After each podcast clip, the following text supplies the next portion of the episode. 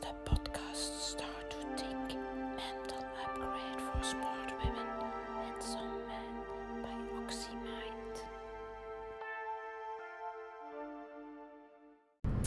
Wat is of was een belangrijke mijlpaal in jouw leven? Dat is de vraag van vandaag. En ik ben Olga van OxyMind. En dit is weer een afleveringje van Start to Think. En deze vraag vind ik ook een belangrijke vraag, omdat die mij doet nadenken over eh, verschillende dingen. Eerst en vooral mijlpalen. Als ik dat eh, bij mezelf denk of eh, aan iemand anders vraag, is dat vaak diploma halen, de geboorte van uw kinderen, uw trouw, het overlijden van uw ouders, enzovoort enzovoort. Dus die heel kenmerkende punten in ons leven, die eigenlijk een, een verandering, een diepe altijd veroorzaken in ons, maar ook eigenlijk een, een, een, een verandering veroorzaken. En eh, vaak is dat ook heel geconditioneerd in die zin dat, dat eh, bij ons. eh,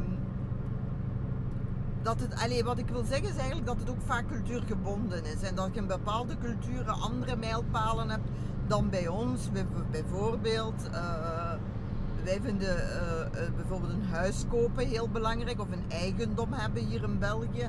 Dat zit zijn die baksteen in de maag, dat zit er wel degelijk in. Terwijl dat bij een andere cultuur helemaal niet belangrijk is van iets te bezitten.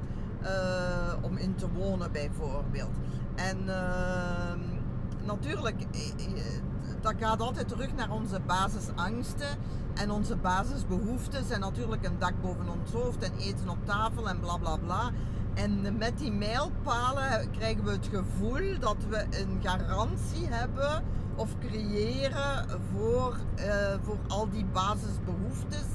En daarmee hechten we daar heel veel waarde aan en is daar ook heel veel emotie aan gekoppeld. Maar ik wil het eigenlijk over andere mijlpalen hebben. Ik wil het hebben over mijlpalen buiten uw comfortzone. En, eh, eh, en wat, wat bedoel ik juist daarmee? Ik bedoel, als je één keer ver uit je comfortzone eh bent gegaan, heb je een nieuwe mijlpaal bereikt en heb je eigenlijk je comfortzone uitgebreid. En wat gebeurt er als je ineens ver buiten je comfortzone gaat? Heb je ineens je comfortzone veel groter gemaakt. En dan, wat betekent dat? Dat alles van je oorspronkelijke Ja, nu, nu klinkt het ingewikkeld, maar het is niet ingewikkeld. Ik ga direct een voorbeeld geven. Maar van alles van, eh, wat tussen je oorspronkelijke comfortzone zit en die uiteindelijke mijlpaal, dat die hele tussenzone veel gemakkelijker wordt. Dus wat ga, ik ga je een voorbeeld geven. Als ik jong was, in de 20, en dat is dus al een tijdje geleden, alleen niet zo heel lang, maar toch een tijdje, eh, ben ik op reis gegaan naar China. Waarom? Omdat eh, ik twee vriendinnen had die daar aan het rondreizen waren en ik ging die daar ontmoeten. Dat heeft uiteindelijk veel voeten in de aarde gehad, dus ik heb daar een tijdje alleen gereisd. Nu moeten jullie zich indenken, ik had niet veel gereisd. Mijn Engels was niet goed. We zaten in het pre-GSM, pre-internet eh, periode. Dus het was ook niet even van eh, even een mailje sturen of eens bellen. Ook niet naar huis trouwens. En eh, ehm, het was ook nog een, een- heel andere tijd in die zin dat reizen naar China toen niet normaal was. Of eh, dat dat eigenlijk buiten toeristisch de, de, de, de eh, normaal betreden paden van toerisme eh, zat.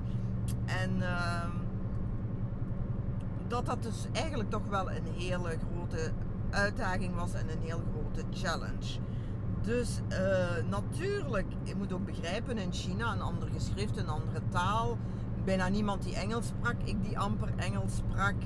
Geen, geen eh, dat werkte toen nog met van die traveler checks wat geld betreft enzovoort enzovoort. Dus geen visa uit de muur enzovoort.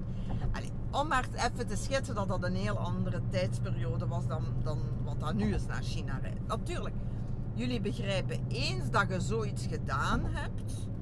Ja, had ik, mijn brein weet dat ook dat ik dat gedaan heb. Hè? Ja, dan begrijpt je ook als iemand mij vroeg, ah, gaat het vinden ergens in Brussel of, of hier in België, een of ander adres. Dan, had ik zoiets, hallo, ik heb toch wel mijn weg in China kunnen vinden, dan zal ik die hier in België ook nog vinden. Snap je, ineens heb je zo een referentiepunt en je brein slaat dat op en dat weet dat ook. Ineens heb je zo'n referentiepunt en alles wat je daartussen doet wordt zoveel makkelijker. Nou, natuurlijk was voor mij daarna reizen heel gemakkelijk, omdat ik natuurlijk zo'n referentiepunt had. eh, en dat veel moeilijker was. En dus wat wil ik ook zeggen? Kijk, iemand die ooit een marathon gelopen heeft. Natuurlijk vindt hij dat peanuts van 5 kilometer te lopen. Eh, dus voilà.